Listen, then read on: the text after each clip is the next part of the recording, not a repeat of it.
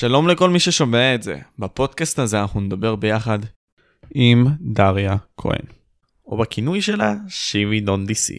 דריה היא פרילנסרית עצמאית, ולמי שלא יודע, היא פרילנסרית עצמאית, משמע היא בעלת מקצוע המועסקת למילוי משימות ספציפיות, אבל לא על בסיס קבוע. זאת אומרת, אם מישהו בא ומציע לה אנימציה לעשות, היא תעשה, אבל זה לא מה שהיא עושה כל יום, כל הזמן. היא סיימה את בית ספר שנקר למחלקה לעיצוב והנדסה בשנת 2016. ובנוסף לכל, היא יוצרת אנימציות ומאיירת. עכשיו תשמעו את הנתונים. יש לה מאות מיליוני צפיות ביוטיוב, 820 אלף מנויים במספר בערוץ שלה ביוטיוב, וזהו בעיקרון. בפודקאסט הזה אני אדבר איתה על איך להתחיל באנימציות בכלל. כמה פילוסופיה נכנסת לאנימציה, הכוח של יוטיוב, ובכללי גם דיברנו על יוטיוב, ולבסוף, כמה אדם צריך לפעול בכדי למקסם את התחביב שלו.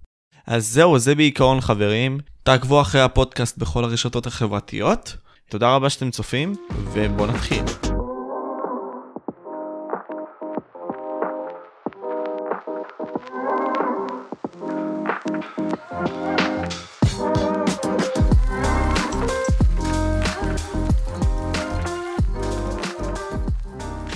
אז עם כל ההתחלה הזאת, מה איתך דריה? מה נשמע?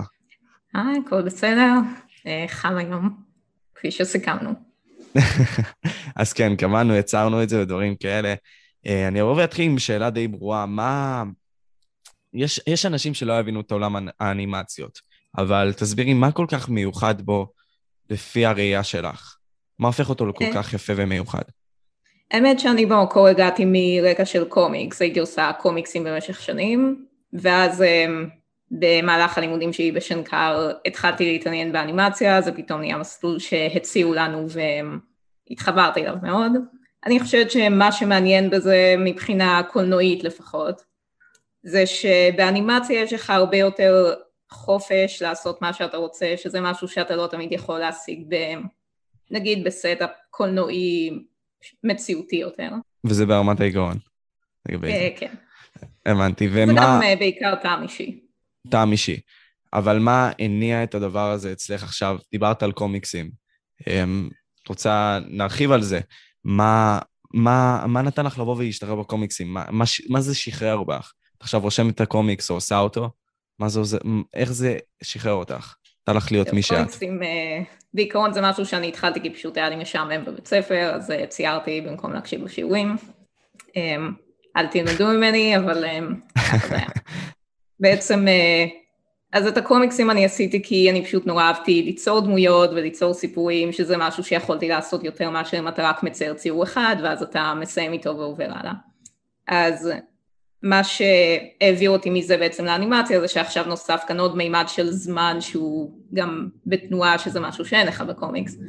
אז זה לא בהכרח מעבר פשוט לכולם, יש אנשים שיצליחו יותר במשהו אחד, אני חושבת שבאופן אישי יותר התחברתי לאנימציה בסוף. אמ, אז בעצם זה כאילו, זה מה שמשך אותי לזה, שאתה יכול באנימציה לעשות פריים אחד ולעבור הלאה, אתה לא צריך להיתקע המון שעות על ציור אחד. אבל זה מלא פריימים בשביל ליצור את ה... כן, זה מלא פריימים, זה מאוד time consuming, אבל זה גם, יש משהו מאוד מספק בלראות את היצירות שלך זזות, שאת זה אין לך בשום מדיום יצירתי, יצירתי אחר. מסכים איתך חד משמעית לגבי זה, אה, אבל אם מדברים על פריימים העצומים האלה, קודם כל, באיזה תוכנות את עושה את זה? את יכולה להסביר את התהליך בקטנה, לפחות על רגל אחת? אה, כן, אני משתמשת אה, בעיקר בתוכנות של אדובי, פשוט כי שטפו לנו את המוח עם זה בשנקר ולא לימדו אותנו יותר מדי דברים אחרים. אז האנימציות אני עושה אותן בפלאש, שאני לא ממליצה לעבוד עם פלאש, זו תוכנה מאוד בעייתית, אם לא התחלת עם זה, אל תתחיל מזה. אמ, אני עושה את האנימציות בפלאש, אני עושה את הרקעים בפוטושופ ואני עושה את העריכה ב Premiere. אז אה, התהליך של זה בעצם, אה, יש לך איזה רעיון בראש, אתה יוצר סוג של storyboard, אני באופן אישי מדלגת את השלב של ה storyboard ועוברת ישר ל animatic, שזה בעצם storyboard שהוא יושב על ציר זמן, ואז אני מתאימה אותו לביט של השיר שאני החלטתי לעבוד עליו, ואחרי שאני עושה את ה animatic, אני יכולה להתחיל לעשות את האנימציה, קוראים לזה רף אנימיישן, ואז אה, אחר כך אפשר לעשות את ה-clean up animation שזה כאילו הצביעה והניקוי ואת הרקעים ואז אה, בעצם עורכים את הכל בסוף בתוכנת עריכה. אז לפי, של... לפי שלבים, אה, איך זה הולך? מבחינת הביט הוא הראשון? רגע, מבחינת הדברים עצמם, הביט הוא הראשון או הביט הוא השני? איך זה הולך? מבחינת הדברים עצמם, שזה זה כאילו, זה משהו שהוא נורא אינדיבידואלי לפי הבן אדם שעושה את הפרויקט, או אם אתה עובד בקבוצה או אם אתה עובד לבד. בדרך כלל אם אתה עובד בקבוצה אתה תעשה קודם כל, כולם ישבו ביחד ויחשבו על סטורי בורד קודם, אבל בגלל שלי אין קבוצה ואני כבר יודעת בראש מה אני הולכת לעשות, אני מדייגת על זה ועוברת ישר לאנימטיק. אז בעצם מה שהתהליך עבודה שלי זה שאני מקשיבה להרבה שירים כל הזמן, ולפעמים אני מגיעה לשירים שאני אומרת, אוקיי, יש לי רעיון בראש מה לעשות עם זה, אני רוצה לעשות על זה סרטון, ואז אני אניח את השיר על ציר זמן, וזהו, אני פשוט אתחיל לעבוד עליו.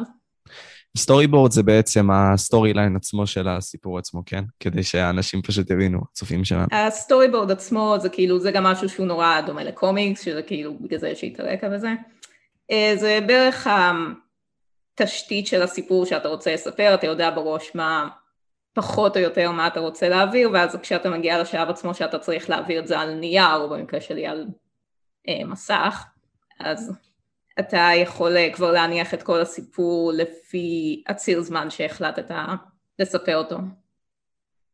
אז מגניב, אז זה בעצם אינדיבידואלי הכל, אבל אם נגיד עכשיו היית יכולה לשים, לפי הבלופרינט שלך, דריה, את ה...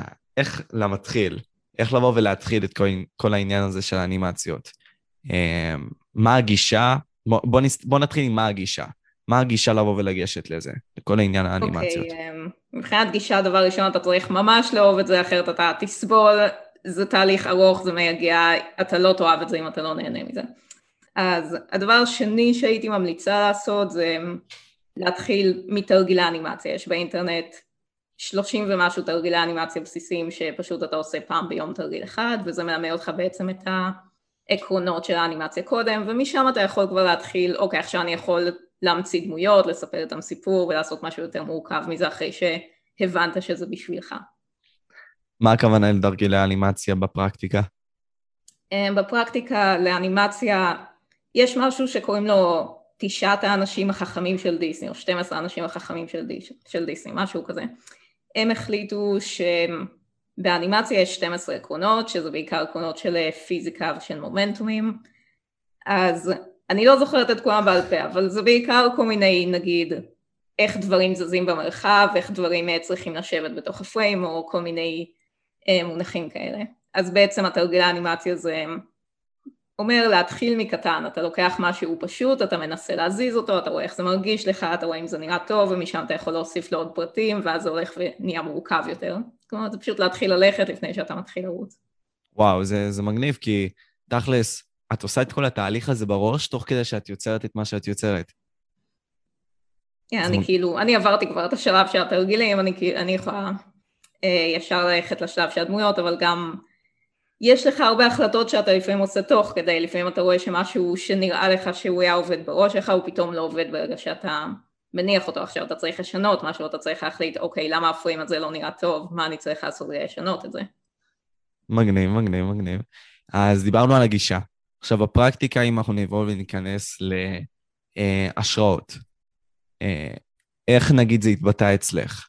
נגיד, ואת עשית הסדרה המדהימה הזאת של ומפר, איך זה התבטא אצלך? בהשראה, בקטע של ההשראות ודברים כאלה.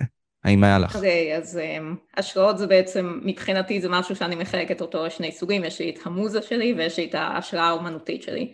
המוזה שלי זה באמת מבחינת המוזיקה, זה מה שנותן לי רעיונות, וזה בעיקר מוזיקה של אה, אורליו וולטר, שזה מי שאני משתמשת ברוב השירים שלו. אה, ומבחינה אומנותית אני מסתכלת הרבה על הדברים של דיסני, על הדברים של דון בלו ועל אנימטורית אחת אה, יוטיוברית מדהימה שקוראים לה ויבזיפו. איזה וולטר אבל? אורליו וולטר. אורליו וולטר. מי הוא בדיוק? שנבוא ונציג אותו לצופים אולי? הוא, ש... הוא זמר אה, שכותב בעיקר מוזיקה שהוא קורא לה גותיק אה, קברט, שאני משתמשת בעיקר, אפשר לומר שהוא ה-voice sector הלא רשמי של הערפד שלי, כי אני משתמשת פשוט במוזיקה שלו. מגניב, מגניב.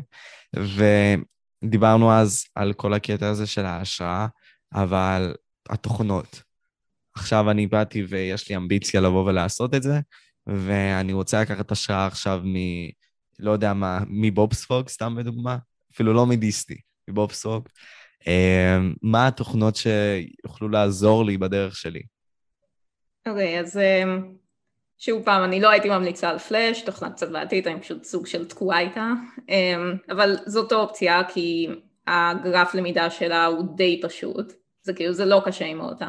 חוץ מזה יש תוכנה שקוראים לה טונבום, שהיא התוכנה שרוב הסטודיואים היום משתמשים בה, היא פשוט תוכנה נורא מורכבת, אבל ברגע שאתה יודע לעבוד איתה זה משתלם ממש לעבוד איתה.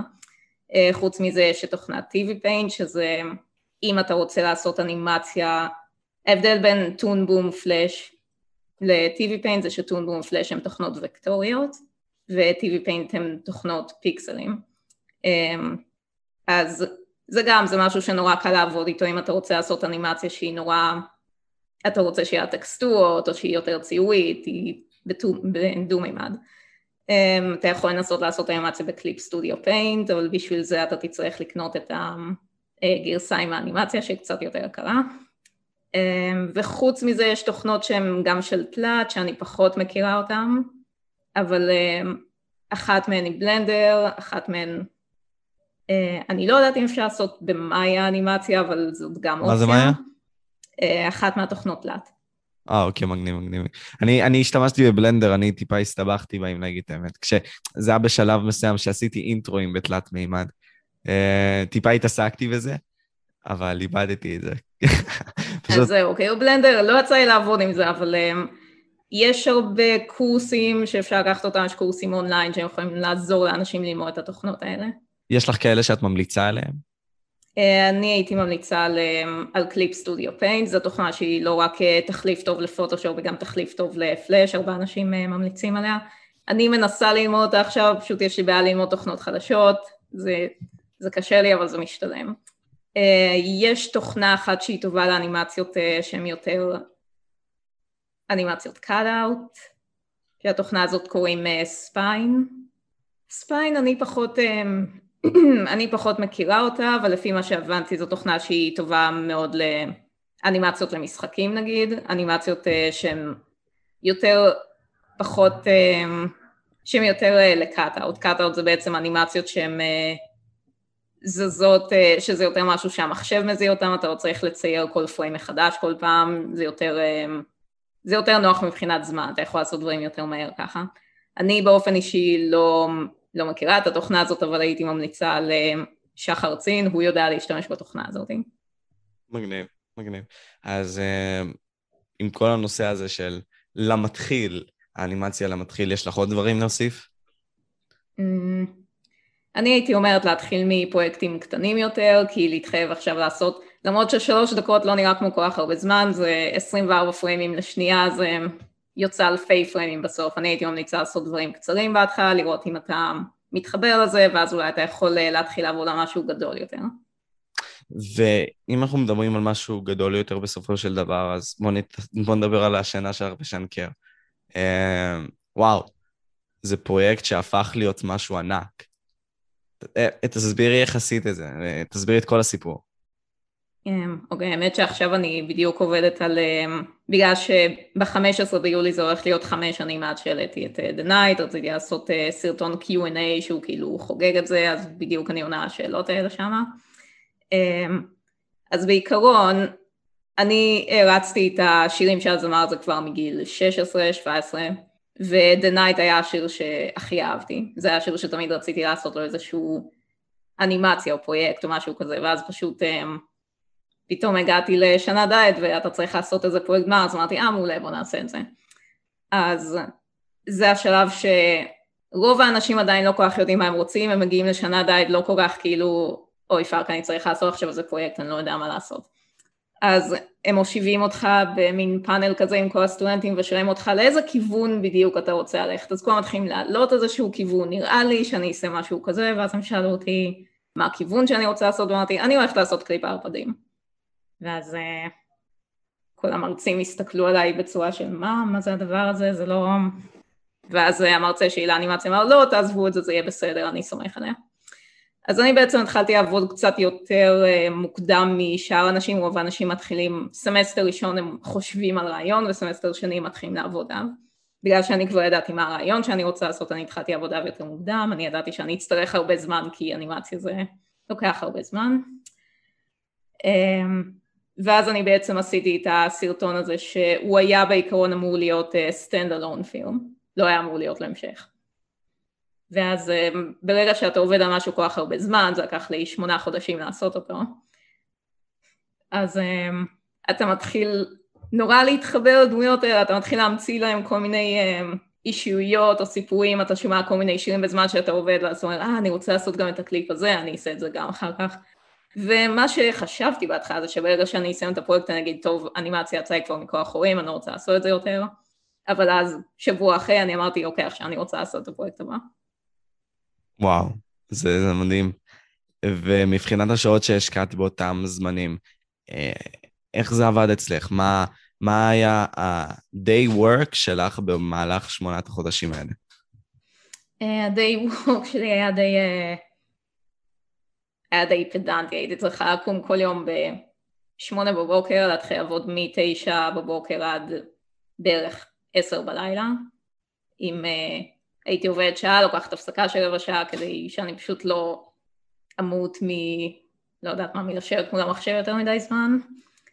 Um, וזה כאילו אתה מגיע למצב של, בגלל שאתה עובד גם תוך כדי חופשת סמסטר, הייתה לי שותפה באותו זמן, אז בחופשת סמסטר היא חזרה לבית של ההורים ואני נשארתי בדירה לבד. אתה מתחיל להיכנס למין מצב שהוא סוג של אפוקליפטי, שאתה שוכח איך אה, להיות, אה, איך להתחבר למין האנושי, אתה שוכח שאנשים קיימים. לא הייתי אומרת שזה מצב טוב להיכנס אליו באופן אה, תמידי, אבל זה מה שהייתי צריכה לעשות כדי לסיים את הכל בזמן. וואו, זה מין סוג של, אני לא אגיד צד אפל, אבל זה מרגיש ככה. זה קצת אפל, זה גם להקשיב ל audiobooks של סרטי, של סרטוני אימה, זה גם לא רעיון טוב. אבל זה הכניס אותך ל mindset, לא? Uh, ה mindset שלי הוא תמיד היה שם, ברגע שיש לך רעיון זה לא משנה כבר, אתה יכול להקשיב כאילו ל nursery rhymes בזמן שאתה עובד על זה, וכאילו אם יש לך תוכנית זה מה שאתה עושה. וואו, זה, זה מדהים, זה ממש מדהים. אז אפשר לבוא ולסכם את זה שפשוט... אה, אוקיי, שאלה לפני שאני אגיד את מה שאני רוצה להגיד. את חושבת שעבדת יעיל באותה תקופה? כן. עכשיו את עובדת יותר יעיל לדעתך, או שאותו דבר? אני חושבת שעכשיו פשוט העובדה שעשיתי את זה כבר כל כך הרבה זמן, כי הרצף עבודה לא משתנה, אתה עדיין צריך לשבת על זה כל היום, כל הלילה, וכאילו בהתחלה אתה חושב שאוקיי, אני אעשה את זה פעם אחת, אני אקח הפסקה, ואז אני אוכל להתחיל לעשות את זה עוד פעם. אז בתקופת הלימודים זה בעצם מה שאתה עושה, אתה עושה את זה שמונה חודשים ברצף. אבל אז ברגע שאתה מסיים את הפרויקט הזה ואתה מתחיל את הפרויקט הבא, אין לך באמת את התקופת הפסקה הזאת, אז זה פשוט כל יום במשך חמש שנים לשבת מ... תשע בבוקר עד תשע בערב, לא לצאת לשום מקום, לא לעשות שום דבר, זה מאוד life consuming. אז uh, הייתי אומרת שפעם עבדתי יותר יעיל פשוט כי הייתי יותר refreshed. עכשיו uh, אתה כאילו, אתה חייב לעבור סוג של burnt outs לפעמים. אז לגבי זה, זה, זה חתיכת, בוא נגיד ככה, זה הדברים שהאנשים הגדולים עושים. ההשקעה הזאת, ההקרבה הזאת ודברים כאלה. וזה מאוד מעניין לבוא ולהתעסק בזה עכשיו. אז זה הרגיש לך כואב ההקרבות האלה לפעמים? Um, רוב הזמן לא, בגלל שאני באמת נהנית לעשות את זה, זה מה שאני רוצה לעשות כל הזמן. לפעמים, בוא נגיד שעכשיו אני באמת כאילו יכולה להרשות לעצמי, אוקיי, אני ביססתי לעצמי כבר את מה שאני עושה, אני יכולה לקחת יותר הפסקות מתי שאני צריכה הפסקה, זה לא נורמלי להביא את עצמך כל כך הרבה זמן כל יום, כל החיים, אתה חייב לעשות עוד דברים. אם אתה חי גם בזמן הלימודים, אתה כאילו אין לך דאגות, עכשיו יש לך, אתה צריך לשלם חשבונות, אתה צריך לנקות את הדירה, אתה צריך לאכול, אז אמ, אין ברירה, צריך לעשות את זה. כן, אין ברירה, צריך לעשות את זה, זה לגמרי צודק. אני, אני גם מתקרב לזה עם הזמן שלי, פה על הכדור הזה, תכף בן 18, אה, אבל עדיין, עוד שנה יש לי לכיתה י"ב. בכל מקרה, אה, אם אנחנו נבוא ונחזור לנתיב שלנו, אה, הקטע הזה של פשוט לבוא אובססיבי, אה, אפשר להגיד אובססיבי? מסכימה לי להגיד אובססיבי? אובססיבי לגבי זה. מה זה יצר אצלך? כי זה שגרת חיים שהיא מאוד קשוחה. אני אישית מנסה לבוא ולהגיע אליה, אבל היא מאוד קשוחה. איך הגעת ל mindset הזה של fuck, אני יושבת ואני הולכת לעשות את זה. לא משנה מה. לא משנה מה זה לוקח. אוקיי, uh, אני לא יודעת אם שמעת, אבל יש uh, אנימטור ברזילאי שקוראים לו, אני חושבת שהוא ברזילאי, קוראים לו טלפורטה. הוא עושה אנימציה של uh, כמה שניות כל יום. אין כאילו, הוא כל יום מעלה משהו, שזה הרבה יותר ממה שאני עושה. אין לו סופאשים, אין לו שום דבר, זה פשוט במשך שנה שלמה הוא העלה כל יום אנימציה של כמה שניות. אז אנשים שואלים אותו איך אתה עושה את זה, זה כאילו, מה, אתה לא, זה לא קשה, והוא אומר, לא, אני נהנה מזה. אז בוא נגיד שמלכתחילה כבר באופי שלי או באישיות שלי היה לי mindset שאני לא אהבתי לצאת כל כך הרבה ולכן זה סוג של השתלב טוב עם זה שאה יופי עכשיו אני לא צריכה לצאת כל כך הרבה, יש משהו יותר טוב לעשות. אז את מרגישה שעצם העובדה הזאת שאת יותר אינטרוורט, כאילו, תתקני אותי אם אני טועה, אתה מאשר אקסטרוורט, זאת אומרת, יותר מופנמת, יותר uh, מתעסקת בדברים שלך, יותר מאשר להיות, uh, אני עם דוגמה, uh, מדבר עם פה גדול ודברים כאלה. Uh, את הבנת איך לבוא ולקחת את הכוח הזה לטוב שלך, um, למקום שלך. אני חושבת שבאופן כללי להרבה אומנים יש איזשהו סוג של, הרי אתה מגיע למקום שזה נהיה התחום שלך והתחביב שלך מסיבה כלשהי, כי כשכולנו ילדים קטנים, כולנו מציירים באיזשהו שלב, יש אנשים שממשיכים עם זה ויש אנשים שמפסיקים עם זה. כולם בגן מציירים, גם, גם אתה. וואי, אני אגיד לך את האמת, הייתי נגיד סתם בכיתה ד', ניסיתי לצייר, היה לי קורס מסוים של אומנות. וואלה, אני אגיד לך את האמת, בגאווה, הייתי הכי גרוע שם, לונג שוט. אז יש כאלה אנשים שנולדים עם זה, יש כאלה שאנשים לא נולדים פחות עם זה. אה, נולדים זה אחוז אחד של כישרון, שאר הזמן אתה פשוט עושה את זה הרבה זמן ואתה משתפר אה, עם הזמן. נכון. אז אה, ברגע שאתה נהנה מזה, זה, אני חושבת שזה יושב יד ביד עם זה שאתה פשוט לא נהנית לעשות דברים שנגיד אנשים שאוהבים לצאת היו עושים. כשאתה אוהב לצאת אתה איכשהו מגיע לתחום העניין של אנשים שהם צריכים קהל או חברה או משהו של עם יותר אינטראקציות אנושיות. ואומנים זה הרבה פעמים אנשים שהם אוהבים יותר להיות עם עצמם, זה אנשים שהם צריכים את הלבד הזה שלהם ליצור דברים, זה לא באופן סטטיסטי 100% אבל זה כאילו, יש איזו קורלציה בין הדברים האלה, בגלל שלא אהבתי לדבר יותר מדי עם אנשים, בחרתי במקום זה לצייר, שזה משהו שאתה עושה לבד. ובחנת את זה עם עצמך, זאת אומרת, הייתה לך את הישיבה הפילוסופית הזאת, שאת אומרת כזה, אוקיי, דריה, אני מבינה את כל הקטע הזה עם עצמי, אני מבינה שאני הייתי ילדה מופנמת, ובסופו של דבר, זה מה שאני צריכה לעשות על היקום הזה. לבינתיים זה מה שאני חושבת. זה, זה, זה כן. ככה היה אצלך או שונה? זה משהו שאתה מבין אותו בלי לחשוב עליו יותר מדי, אתה לא יושב ואתה אומר, אוקיי, אני אחליט שאני אהיה אומן.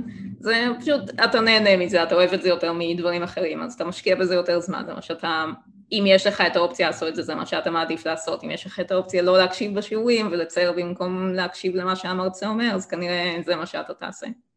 מגניב. ועם כל התהליך הזה שאת מסבירה, עם כל העבודה הזאת, נעבור ליוטיוב, כי זה כבר תשע שנים שאת נמצאת בפלטפורמה הזאת באופן רשמי עם הערוץ דריה כהן.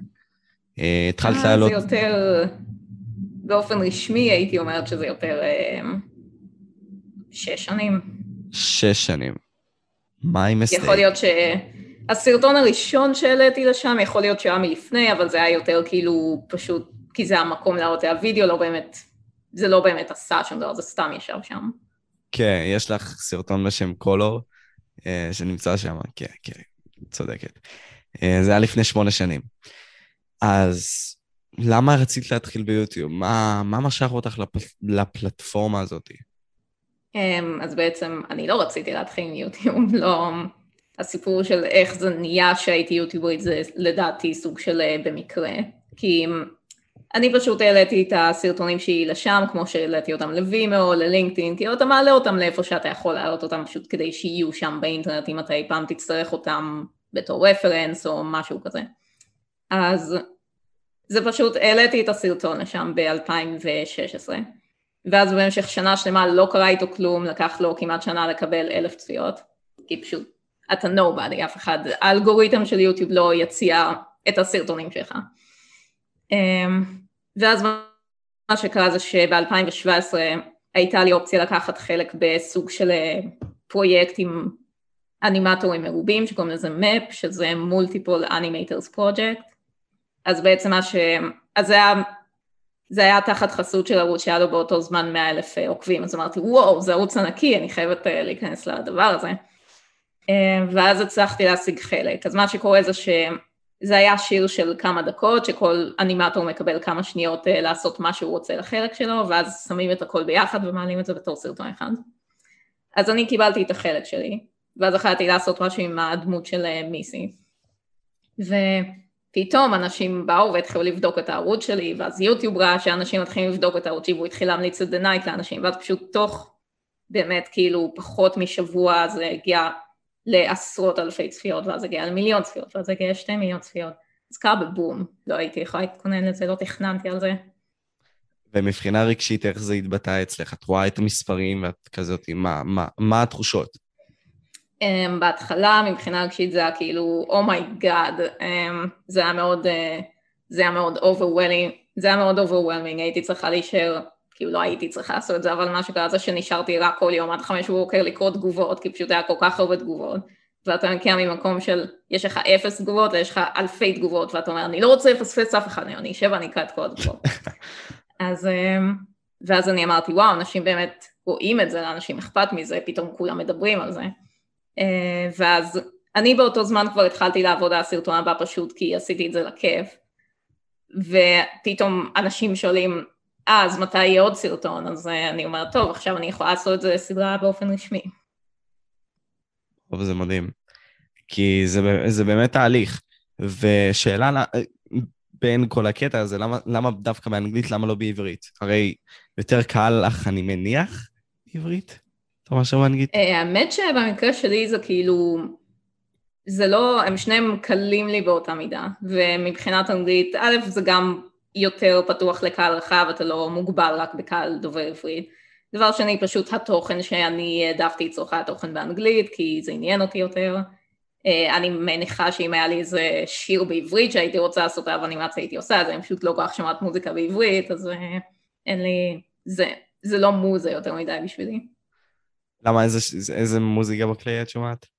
Um, אני שומעת דברים של וולטר בעיקר, או electro swing, או כאילו יש טעם מאוד אקלקטי, אני שומעת כל מיני דברים, אבל בעיקר באנגלית. מגניב, מגניב. גם, גם אני, גם אני, high five, כאילו.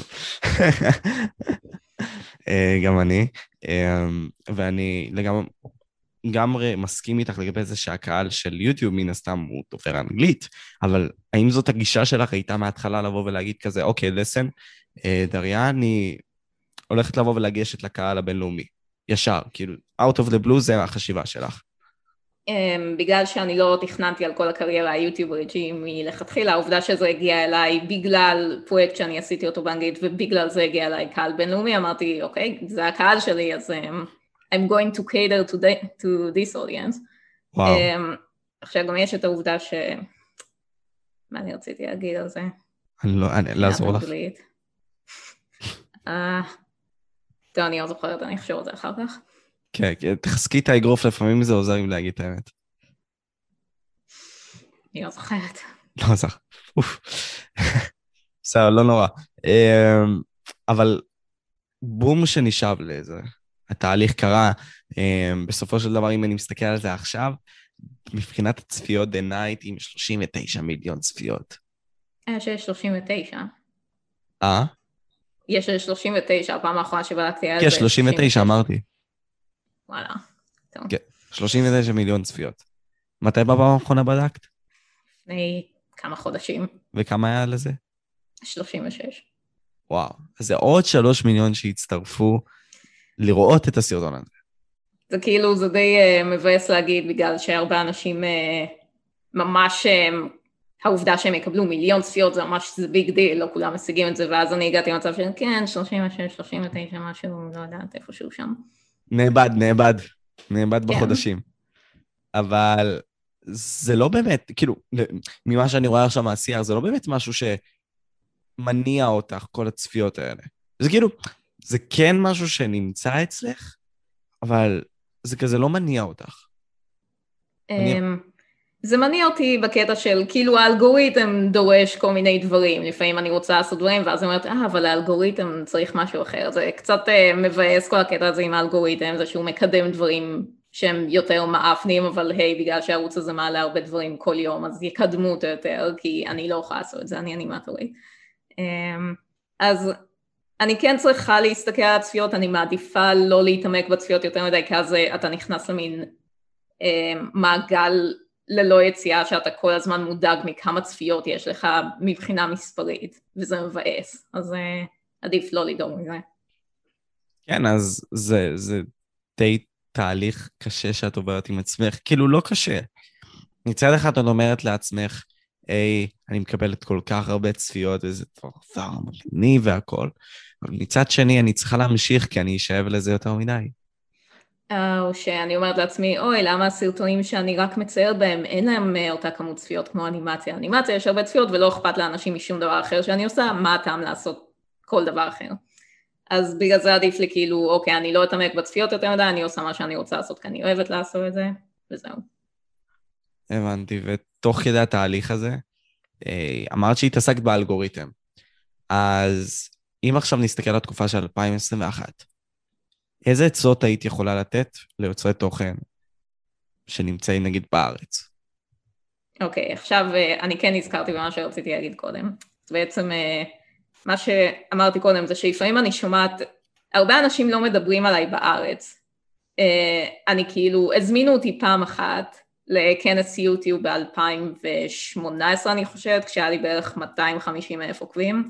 וזה היה כנס שהזמינו את כל היוטיוברים הכי גדולים בארץ, אמרו אוקיי הערוצים שלכם הכי גדולים, אנחנו מזמינים אתכם. לפי מה שהבנתי הערוץ שלי היה הכי גדול שם, רוב האנשים היו יותר בסביבות 30 אלף עד 70 אלף עוקבים, ואף אחד לא שמע עליי. כולם, כל מי שהיה שם היה בעיקר ולוגרים, היה שם עוד אנימטור אחד, שהיה לו בערך 50 אלף עוקבים, אה, וכל שאר האנשים האחרים שם היו ולוגרים. עכשיו לפי מה שהבנתי בארץ אכפת לאנשים יותר מתוכן שהוא מדבר לישראלים, זה כאילו זה תוכן בעברית, אז עליהם מספרים בעיתון, עליהם מדברים, עליהם עושים כתבות. אני לא נחשבת יוטיוברית ישראלית למרות שאני מישראל. ובאיזושהי הסתכלות זה פוג... כאילו פוגע בך שאת נמצאת במדינה הזאת, סוג של, לא סוג של, נמצאת במדינה הזאת. את יוטיוברית מן המניין. את עם מספר העוקבים בישראל בין הגבוהים בארץ. כמובן יש, אני יודע שיש יוטיוברים ישראלים שהם טיפה יותר, כן. נגיד finger breakdance, אבל זה, זה לא קשור. ההערכה היא נמוכה, אני מסכים איתך לגבי זה. אז דבר ראשון, האם זה מפריע לך? זה זה לא מפריע לי כי זה לא נורא קריטי לי להופיע לי בעיתונים בארץ או בכתבות בארץ, זה יותר, זה קצת פשוט נראה לי מוזר שהם עושים את כל ה hype uh, של oh my god יש להם כל כך הרבה עוקבים, ואז אני בודקת כמה עוקבים יש להם ויש להם כזה מאה אלף עוקבים. זאת אומרת, כן, זה די מרשים, אה? Um, אז זה כאילו, אני מבינה למה הם לא יעשו עליי כתבות בארץ, כי התוכן שהוא מאוד לא מיינסטרימי בארץ, אז אין כאילו, אין סיבה לעשות עליו כתבה. כן, זה, זה, זה, אני מאוד הופתעתי, כי גם אני עצמי, בזמן שראיתי את התוכן שלך, שעוד פעם, דרך האלגוריתם באתי ואיכשהו קיבלתי אותו ברנדומליות שראיתי, פשוט אנימציות שונות, בסדר? אמ, זה פשוט כיוון אותי שזה היה מגניב, כי זה כיוון אותנו רעיון פה. אה, אני לא ראיתי כלום, כמעט וכלום, וזה זה, זה, זה disrespectful הייתי אומר, כי האומנות שלך היא מאוד מגניבה. אה, תודה. עכשיו אה, הייתי רוצה לדבר קצת על האנימציה בארץ, כי לדעתי אנימציה ואיור באופן כללי זה לא תחום יותר מדי מפותח בארץ. כאילו לא נעים לי להגיד את זה, אבל רוב הרמה של האנימציות פה הם נורא ניר וגלי, וזה כאילו, זהו, זה ההייפ של האנימציה פה. אה, פשוט אין יותר מדי כבוד לז'אנר הזה בישראל, ואז גם כשאתה עובד על זה מקצועי, הם לא משלמים לך כמו שצריך, הם לא נותנים לך זמן לעשות דברים, ואז יוצא שכל הדברים שלנו לא נראים כל כך טוב. אז um, אני כאילו משוחררת מהדבר הזה, אני יכולה לעשות משהו בינלאומי, אני לא צריכה להיות חלק מהדבר הזה. וזה משהו שכן רציתי לשאול אותך בדיעבד, אה, לפני הרעיון, אה, למה השוק בארץ של האנימציות הוא כזה דל? בגלל, וענית לי על זה הרי, ענית לי על זה עכשיו, אבל איך אפשר לבוא ולהרים אותו? הרי אפשר להגיד שאת הצלחה באנימציה. אה, אני אבוא ואתן לך את הכבוד הזה כי הוא מגיע לך. אה, אה. בין אם זה האינפלורנס, כאילו, עצם העובדה שאת אינפלורנסית, כאילו, אינפלורנסית, אינפלו... לא אינפלואנסית. כן, אינפלואנסרית, נכון, נכון, בדיוק, אינפלואנסרית. בקנה מידה בינלאומי בצורה פסיכית, ויש לך השפעה עצומה, ואני רואה התגובות של אנשים, הם כזה קוראים את השיער שלהם כל פעם שיוצא פרק חדש על, בדוגמה, יום הולדת של מיסיס. זה, זה מדהים, זה, זה מדהים, ואיך אפשר לבוא ולהעלות את הרמה אז? אמ, זה משהו שאתה חייב להחליט בינך לבין עצמך, אם אתה רוצה ליצור תוכן טוב, אתה תיצור תוכן טוב. מה שהתעשייה דורשת זה לא צריך להיות מדד למה שאתה יכול לעשות. כי אני כבר, הייתה לי תקופה שאני עבדתי בסטודיו לפני שהתחלתי להיות ביוטיוב, ישר אחרי הלימודים קיבלתי עבודה בסטודיו. אז בסטודיו אתה לא צריך לעשות את העבודה, את ה top A tier שלך, אתה פשוט עושה את זה כי זה העבודה שלך, אז אנשים כאילו לא אכפת להם איך זה נראה. וברגע שאתה עושה דברים שהם באמת שלך, אז כאילו, אז אתה רוצה שזה יהיה טוב, אתה רוצה להשקיע בזה. מה שהתעשייה דורשת ממך זה דבר אחר, זה אתה עושה רק בשביל כסף. אז יצרת כאילו קשר עם אנימטורים אחרים בארץ? סתם לדוגמה תום טראגר, אם נבוא ונזרוק ש... אה, תום טראגר, יש אה, סיפור מעניין איתו. אה, מה שקרה זה שלפני שנה או שנתיים כשהיה את הדבר הזה עם קופה ביוטיוב, שהם רצו להחליט שכל האנימציות באתר זה תוכן לילדים, לא משנה מה קורה, ואסור לך לקבל על זה כסף או משהו כזה. אז אני נורא נבהלתי מזה, רוב הקהילה נבהלה מזה, כי לא ידענו מה הולך לקרות עם הדבר הזה. ואני רציתי לדעת מה יקרה עם זה בארץ. עכשיו, לא הכרתי יותר מדי יוטיוברים אנימטורים, באופן כללי אני לא מכירה יותר מדי יוטיוברים ישראלים, אז אמרתי, אה, יש את תום טראגר, אותו אני מכירה, אני אשאל אותו, כי יש לו לפעמים אנימציות. שלחתי לו אימייל, והוא אף פעם לא ענה לי. That's sad. אבל עם אנשים אחרים כן יצרת קשר? כן, כן עזרו לך בסופו של דבר? אמ, בסופו של דבר פשוט יוטיוב בעצמו לא עקב אחרי הכללים שהוא יצר, אז אה, לא קרה עם זה כלום, אבל מבחינת אמ, יוטיוברים בארץ אה, לא, לא מצאתי עדיין יוטיוברים שאני יכולה לדבר איתם, אני בטוחה שהם קיימים, אני פשוט אה, לא שמעתי עליהם, כי אני לא צורכת יותר מדי תוכן ישראלי באופן כללי, אבל הצלחתי ליצור קשרים עם כמה יוטיוברים בינלאומיים. אז בקטע הספציפי הזה, אה, במידה ואני פשוט אחזור לשאלה הזאת, של הקהילה עצמה, איך אנחנו נוכל לבוא ולהעלות את הרמה? דיברת על הנושא האינדיבידואלי. זאת אומרת, אם אני בדוגמה יודע שהנישה שלי לא קיימת בארץ, אני צריך לבוא ולהתחיל אותה. אני צריך לבוא נכון. ולעשות אותה. אמ, אז הדבר הטוב זה שיש כל מיני כנסים שהם בעיקר לאנימציה ישראלית.